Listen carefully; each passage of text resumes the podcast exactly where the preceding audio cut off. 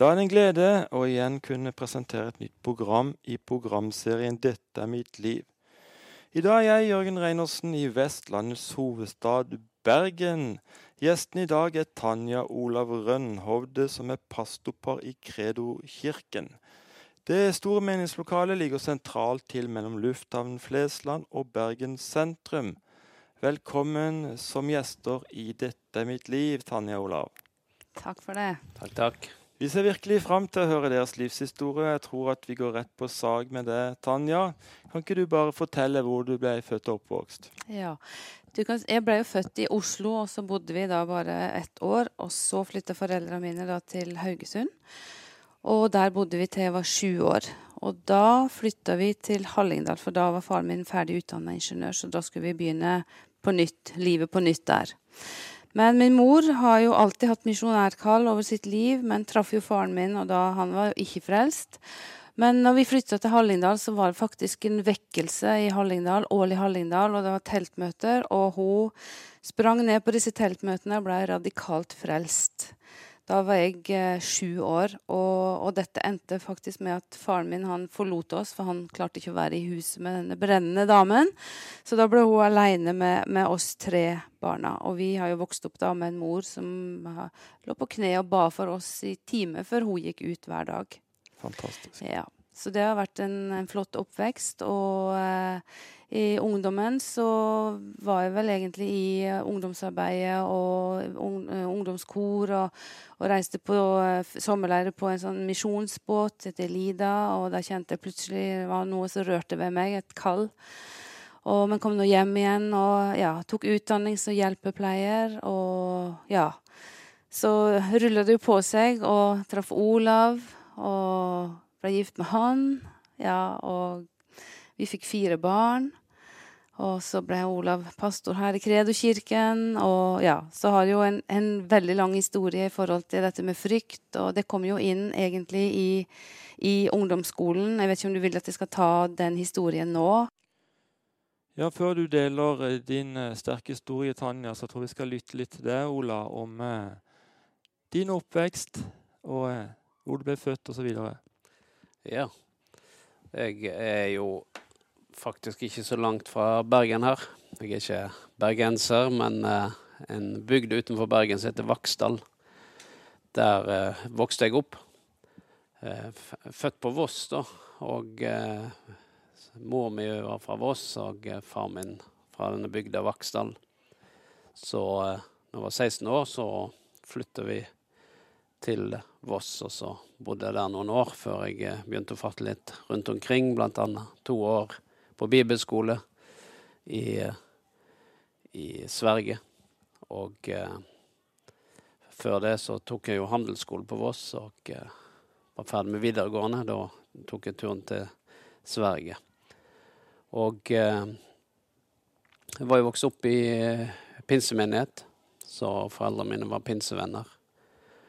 Og jeg eh, husker de tok oss med til sommerstevnet sommerstevne på sommeren. Det var det store. Det var å reise rundt. og Da var vi bl.a. til Saronsdal.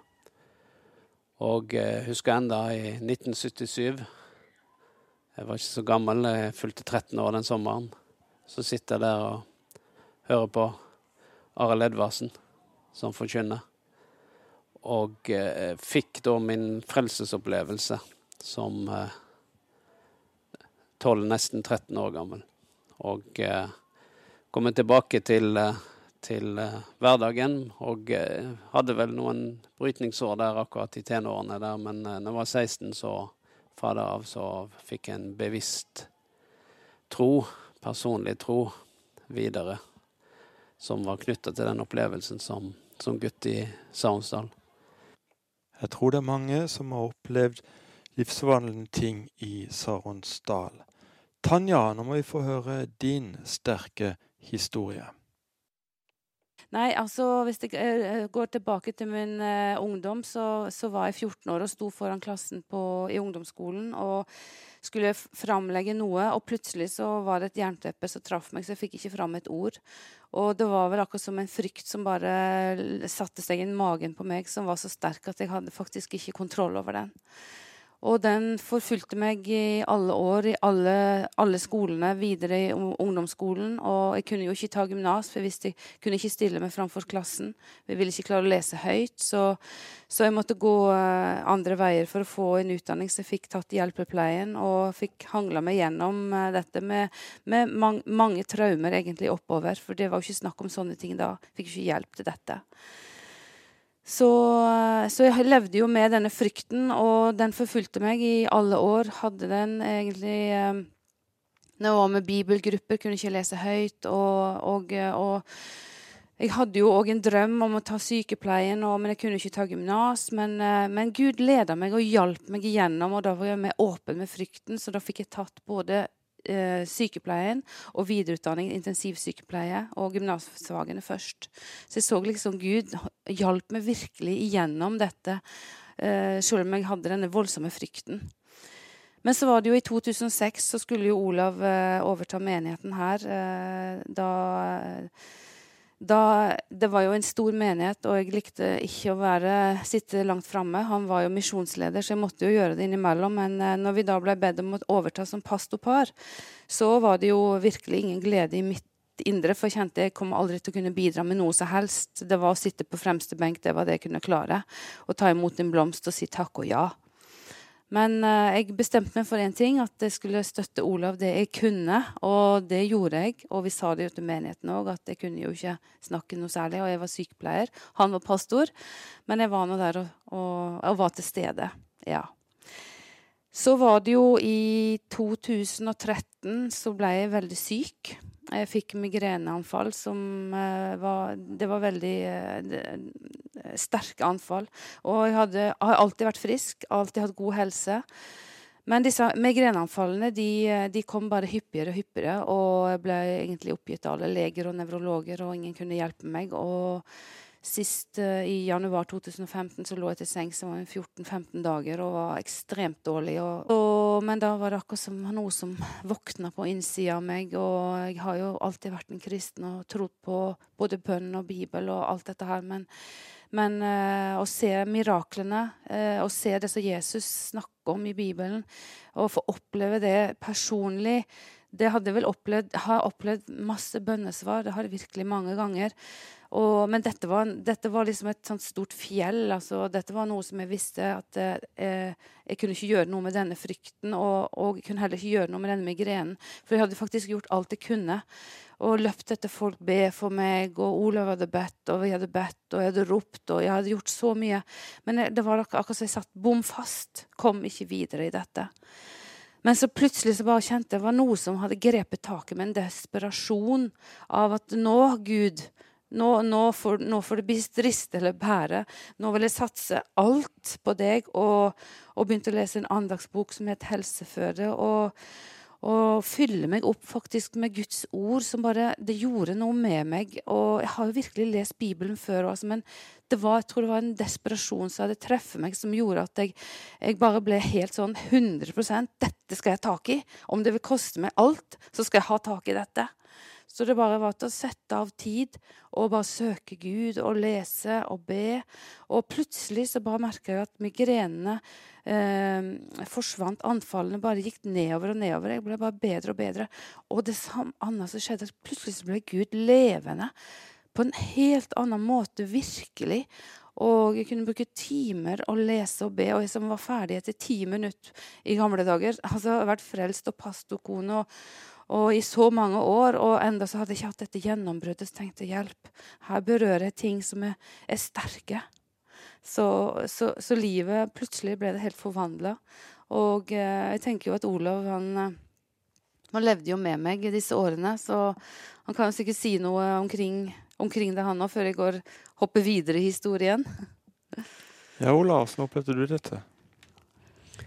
Ja, nei, det ble jo en eh, Det var jo klart at jeg opplevde et kall til å si ja som pastor i Kedokirken. Og eh, da visste jo jeg det at det var jeg som kom til å stå i den tjenesten. Og eh, Tanja hun backa meg opp og støtta meg i det, men eh, kunne ikke delta selv sånn offentlig pga. Eh, den frykten som, som bandt henne. Men det sa vi tydelig fra til menigheten at eh, sånn er det.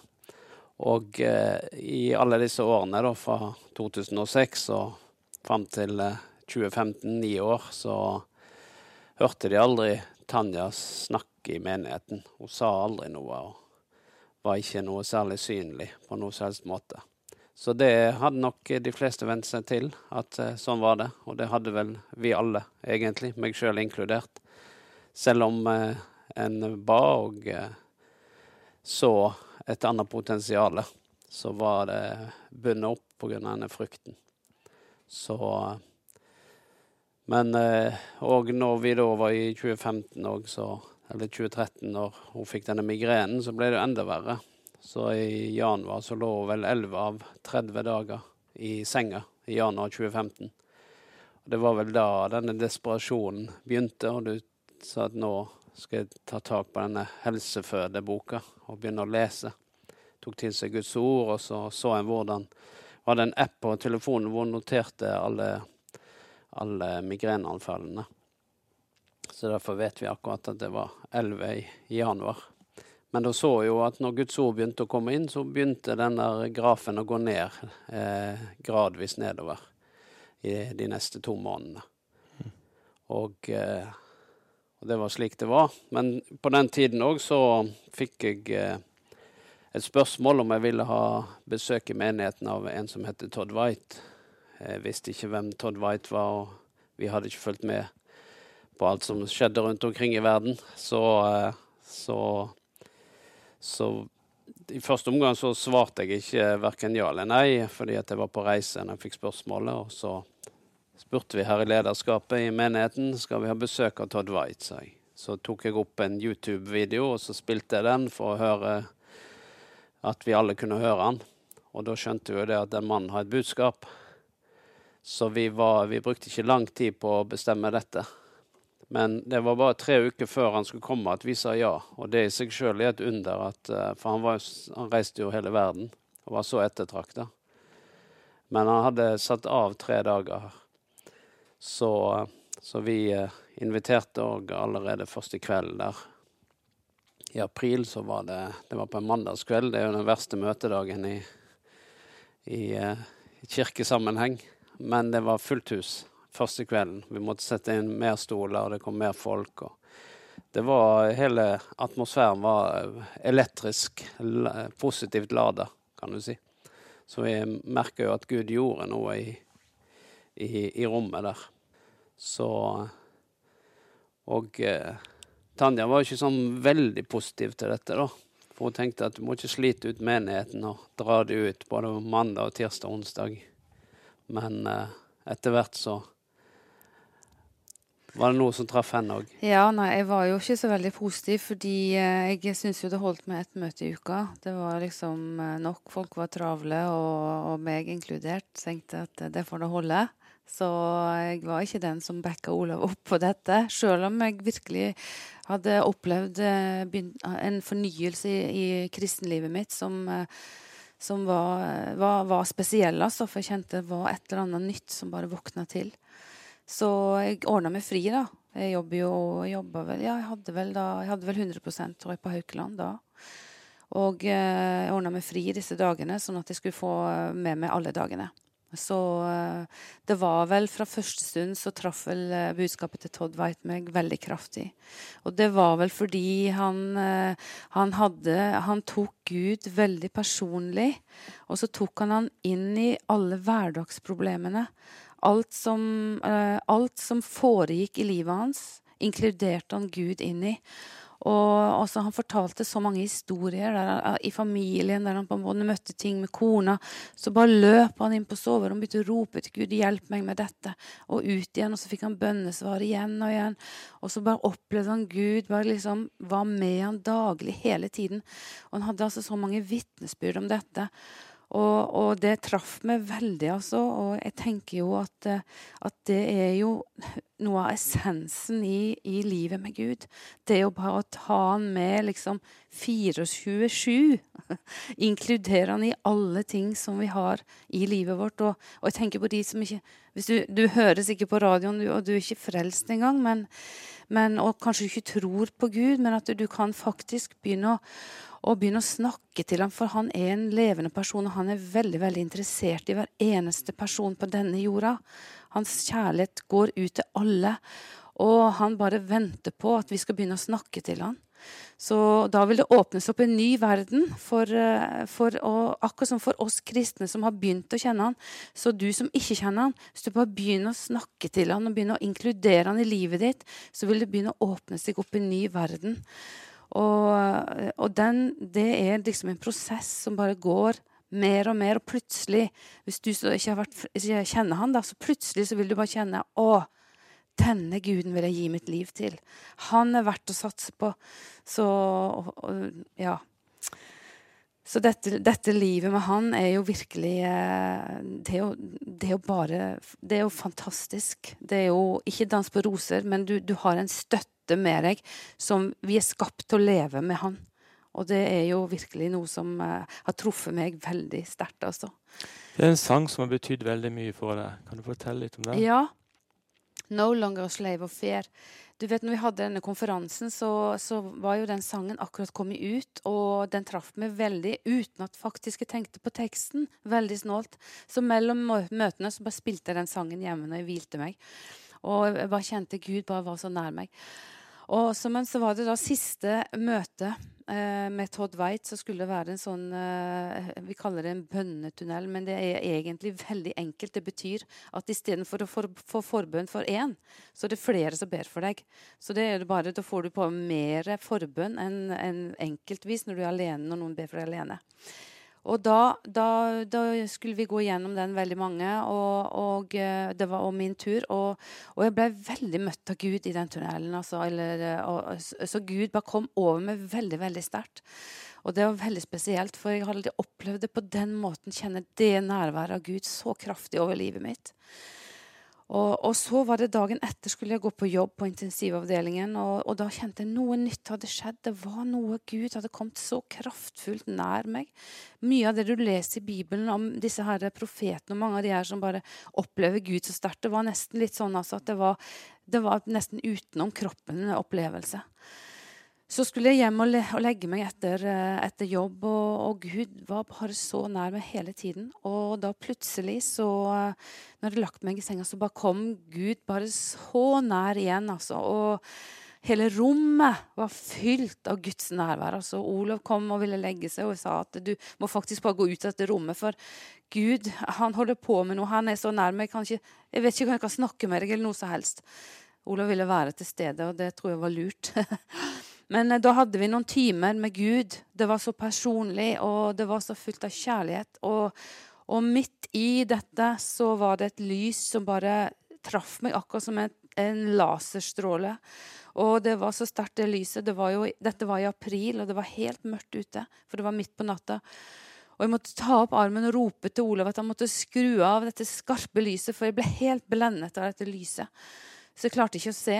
Og så sier han det er ingen lys her. Han, jo, jeg blir blenda av dette lyset. Jeg kan ikke se. Ta det av. Så jeg måtte holde armen foran eh, ansiktet en periode, for det var så sterkt foran øynene. Og eh, timene gikk, og ja, jeg begynte å se ting, og, og, Gud bare var bare så kraftfullt nær meg. Og ja, Det er vanskelig å beskrive med ord hva som skjedde. Men etter den natta så, så, var all frykt brent bort, og migrenen var, var brent bort. Og, og, jeg var på en måte et nytt menneske. Uh, jeg, jeg, kjente nesten ikke meg sjøl igjen. Og når jeg våkna dagen etter, så talte Gud til deg, Tanja, nå begynner, nå begynner det. Du skal gå inn i det som jeg har kalt det til. Nå begynner det livet. Og jeg kjente ja med hele meg. Jeg kunne rope det ut. Altså, det, var, det var ingenting annet jeg ville enn å tjene han 100 så, Et utrolig sterkt vitnesbyrd. Ja. Velkommen tilbake til programmet 'Dette er mitt liv'. Jeg har besøk av Olav og Tanja Rønhovd, eller jeg sjøl faktisk på besøk i Bergen i deres menighetslokale. Stort, flott menighetslokale som ligger her på Øvre Kråkenes i Bergen. Og Tanja, du har jo virkelig delt eh, mye spesielt som Gud har gjort i ditt liv. Og du eh, fortalte bl.a. at du så et sterkt lys, og Olav var rett ved sida av deg. Olav, så du det lyset? Nei, eh, det var helt mørkt i rommet. Men jeg så at hun plutselig tok armen over øynene og ropte ut at eh, skru av det lyset. Dette skarpe lyset. Og jeg sa at nei, det er helt svart, det er ingen lys her. For jeg, eh, jeg bare hørte hva hun opplevde, og hun fortalte hele veien. Det varte jo i to og en halv time, dette på natta fra klokka tolv på natten til halv tre. Og det var jo og hun, Så jeg var på en måte et vitne til det som skjedde. Og, eh, og dagen etter så, så var det jo sånn at jeg, jeg, hadde jo på en måte i denne pastortjenesten på en måte stått uh, mye aleine, da. Selv om hun hadde backa meg og støtta meg, så Så dagen etter så, så satte jeg meg ned med bibel, en bibel, og så spør jeg Herren om han kan vise meg hva dette handler om. Og da slår jeg eh, Det kunne virke tilfeldig, men jeg tror det var veldig presist, det verset som kom der. For det var fra Gamle testamentet, Dommerens bok. Og der eh, er det en historie om Debora og Barak. Og så var det slik at eh, Debora hun kommer til Barak, og så sier han at du må ut og stride. Og ut og kjempe. Og så sier Barak at nei, jeg går ingen plass hvis ikke du går med meg, Debora. Og så sier Debora at jeg skal gå med deg. Og det, for meg var det på en måte at OK, nå skal vi stå sammen i dette. Og eh, eh, på søndagen, da, når eh, vi hadde vårt møte, formiddagsmøte, gudstjeneste, så eh, går jo vi fram, både meg og Tanja. Vi hadde sagt til menigheten at vi har hatt en opplevelse som vi vil fortelle om. Og eh, det ble jo et sterkt eh, opplevelse for alle når Tanja, som ikke har sagt noe på ni år, plutselig står der og forteller denne historien, og snakker helt fritt, så er det klart at eh, da skjønner jo alle at dette her er ikke noe fake. Dette er ekte saker. Og det treffer jo alle sammen på en, eh, på en god måte. For det, det blir et vitnesbyrd om hva Gud kan gjøre. I løpet av et øyeblikk så bare endrer alt seg. Og det er, jo, det er jo sånn Gud eh, virker. Han kan endre alt, snu alt opp ned på et øyeblikk. Det som ser fullstendig håpløst ut, situasjoner, omstendigheter På et øyeblikk så kan han gripe inn og bare snu hele situasjonen. Det kan være sykdom, det kan være relasjoner, det kan være økonomi, det kan være andre omstendigheter. Det kan være psykisk slitasje og frykt, som vi har snakket om her. Så, så på mange måter så er det ene er at det her er historien til Tanja. Det andre er at det også er et uh, sterkt uh, historie om uh, hvem Gud er, og hva han kan gjøre. Og det tenker jeg til folk som sitter og lytter nå, og du som lytter på. Så kan din situasjon òg kanskje virke håpløs. Og du tenker at det er ikke, det er ikke noe vei ut. Tanja hun var i samme situasjon nevrologen på Haukeland sykehus sa det at eh, eh, dessverre, vi kan ikke hjelpe deg. Du bør egentlig uføretrygde deg delvis, fordi at det her er noe som du må leve med denne migrenen resten av livet. Men Gud ville det annerledes. Så selv om denne dødsdommen, eller denne, ikke dødsdommen, men denne, det kan være du som hører på, har en dødsdom, men selv om denne dommen var slik fra legen, så sånn at Gud faktisk grep inn og, og eh, endra dette i løpet av veldig kort tid. Så eh, be til Gud, søk Han, fordi Gud kan. Det er i hvert fall dette et bevis på. Og for meg i, i arbeidet som pastor, så fikk jo jeg òg en helt ny tid. En helt uh, annen fortsettelse, for nå sto vi sammen på en helt ny måte. Og det merker vi, og det merker de rundt oss, og, og menigheten har jo virkelig satt pris på det som skjedde for tre og et halvt år siden. Fantastisk. Ja, Tanja, jeg tenker på når du satt der eh, når det var mø møter da i, i, flere år, og du turte aldri å heve stemmen og sånn, kjente du det på en måte på mindreverdighet og sånn? Ja, jeg, jeg, gjorde nok det mange ganger. Det var jo derfor jeg syntes det var så fælt når Ola skulle bli pastor. For da visste jeg faktisk at det var egentlig en forventning om at jeg skulle stille opp, være med på barnevelsignelser og alt dette her. Og, og jeg visste at det, det, var helt uaktuelt. Det gikk ikke opp på den scenen og stilte meg fram som en annen slags uh, figur som sto der og skalv. Så, så det, var, det visste jeg. Så det var jo tøft, altså. Og jeg, jeg kunne liksom ikke skjønne hvorfor ikke Gud bare kunne sette meg ut i frihet før. Og det har jeg tenkt mange ganger. Hvorfor fikk jeg ikke oppleve dette før? Og, men jeg får vel kanskje ikke noe svar på det, men jeg har grunna litt på det og har tenkt at, eh, at, eh, det er veldig mye som kan skje i vårt liv når vi blir desperate. Så jeg tenker kanskje at jeg ikke var desperat nok, altså, for det var, det var noe som skjedde med meg når jeg bare ble helt sånn veldig desperat etter Gud, altså. Og ikke ga meg før jeg hadde dette. Eh, da, da, da, kom han over meg på noe som jeg aldri hadde opplevd før, altså. Så, så det har jeg tenkt på, om det, det er noe der. Men, men, jeg har innfunnet meg med at eh, nå har jeg min frihet, og den bruker jeg for alt den er verdt. Og jeg elsker jo å stå foran folk nå og holde prekener, og, og på direkten på TV noen ganger og alt. Altså det det, det, er virkelig et helt nytt liv. Altså. Det å bare kunne ha, se utover en forsamling. Før så var øynene mine fylt av frykt og angst, og jeg skalv og jeg var svett. Og, og nå hviler liksom øynene på folket i fred. Og det er en enorm opplevelse faktisk for meg. Jeg tenker på det veldig ofte. Så det er stort for meg eh, fortsatt. Eh, du er takknemlig? Veldig takknemlig mm. for det. Ja. Det er jeg. Ja, det er utrolig hva dere har fått oppleve med dette store underet. Du lytter nå på programserien Dette er mitt liv. I dag besøker jeg Jørgen Reinertsen, Tanja og Olav Rønhovde i Kredo-kirken i Bergen. Vi har hørt en sterk historie om hvordan Gud grep inn og helbredet Tanja fra både angst og migrene. Nå vil vi gjerne ha litt romantikk her og høre hvordan dere traff hverandre.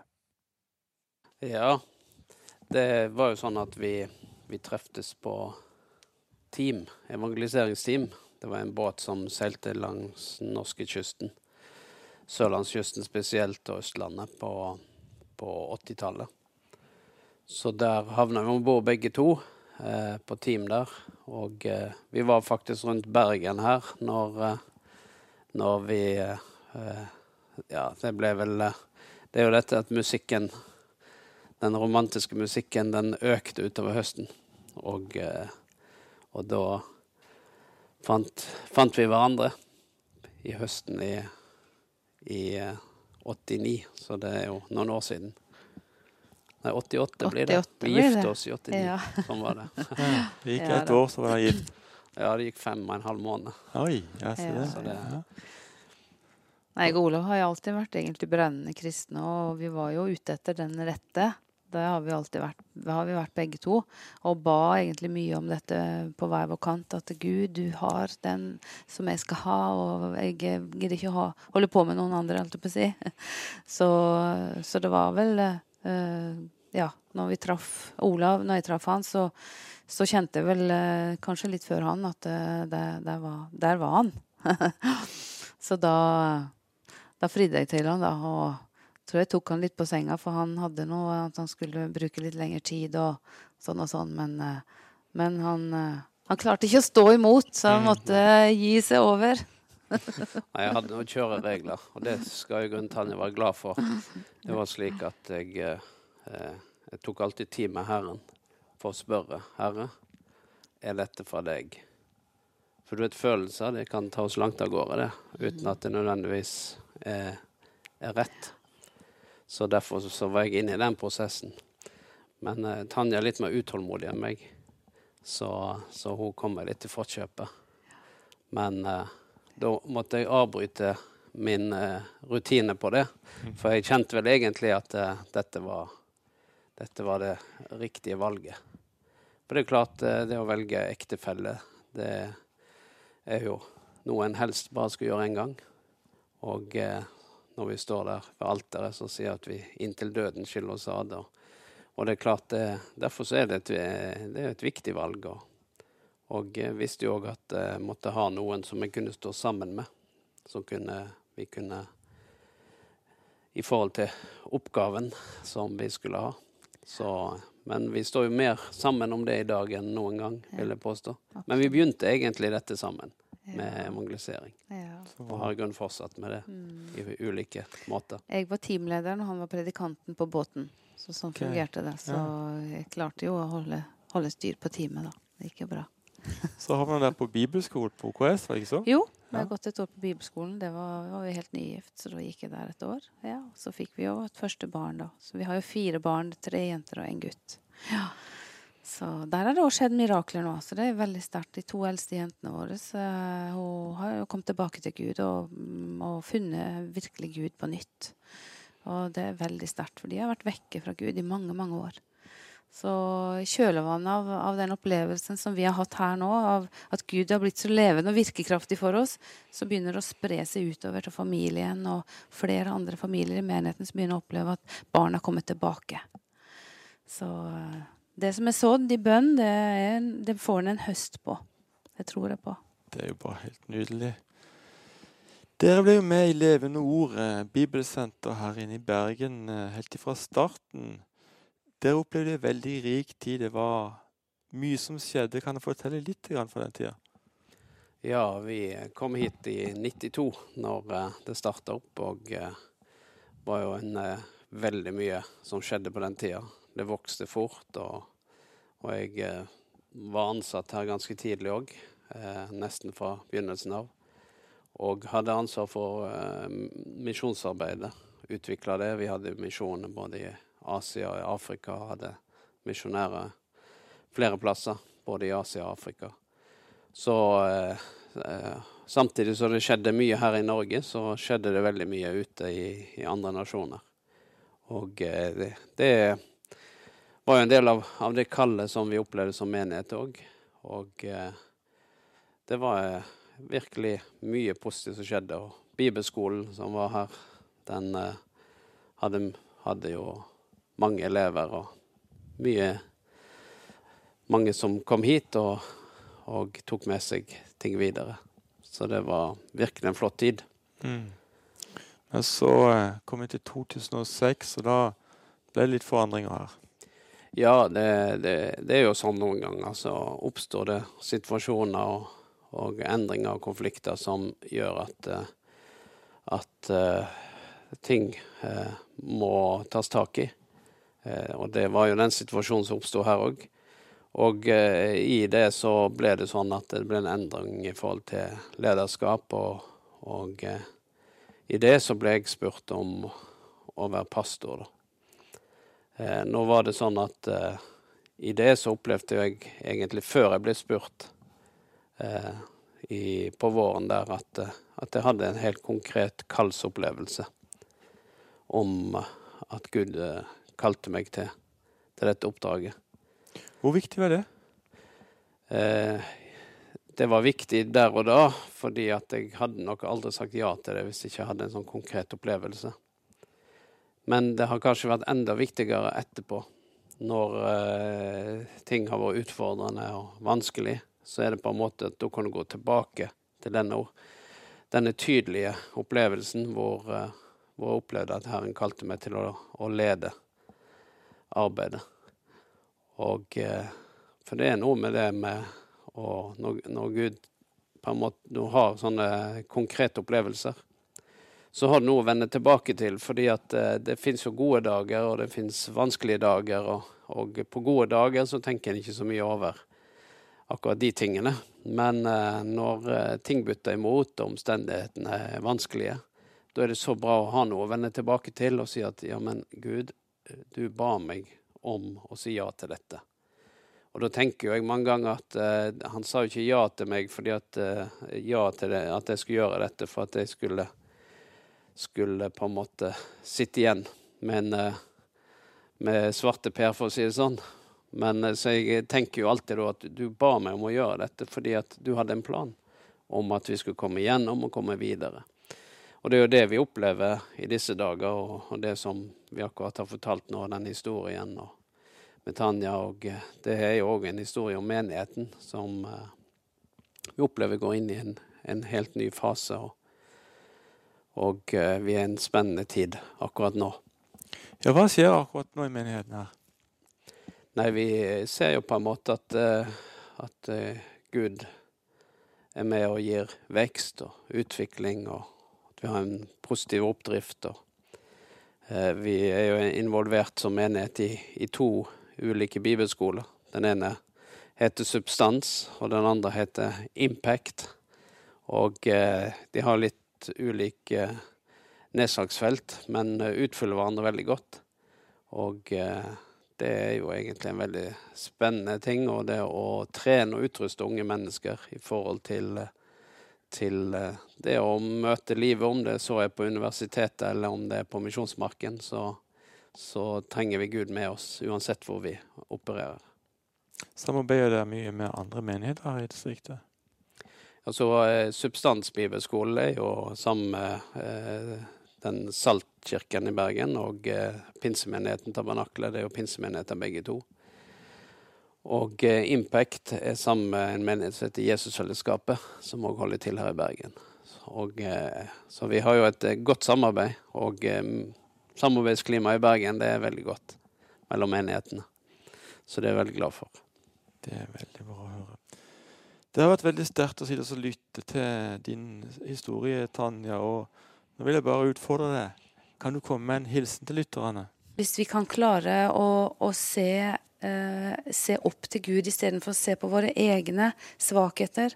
For det var virkelig en sånn åpenbaring som jeg fikk eh, nå etter at jeg på en måte fikk se Gud på nytt. Det var det at jeg så veldig mye før, så så jeg ned på meg sjøl. Eh, alt det som jeg ikke fikk til, og alt dette her. Og det ble fokuset mitt. Men nå så, så, så har jeg de samme utfordringene mange ganger i hverdagen. Men nå har jeg blikket venta opp mot Gud istedenfor. Og det forløser en fysisk kraft. Så jeg ikke hadde Den kraften hadde jeg ikke før. Og den kraften er for alle. Gud ønsker å hjelpe oss i hverdagen, ønsker å hjelpe oss i familiene.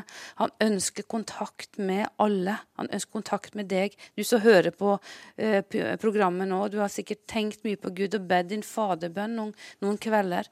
Men det fins så mye mer å hente fra Gud. Han, er så mye, han har sånn kjærlighet som han ønsker å gi til ditt liv og formidle til deg. Og ønsker å hjelpe deg i alle ting.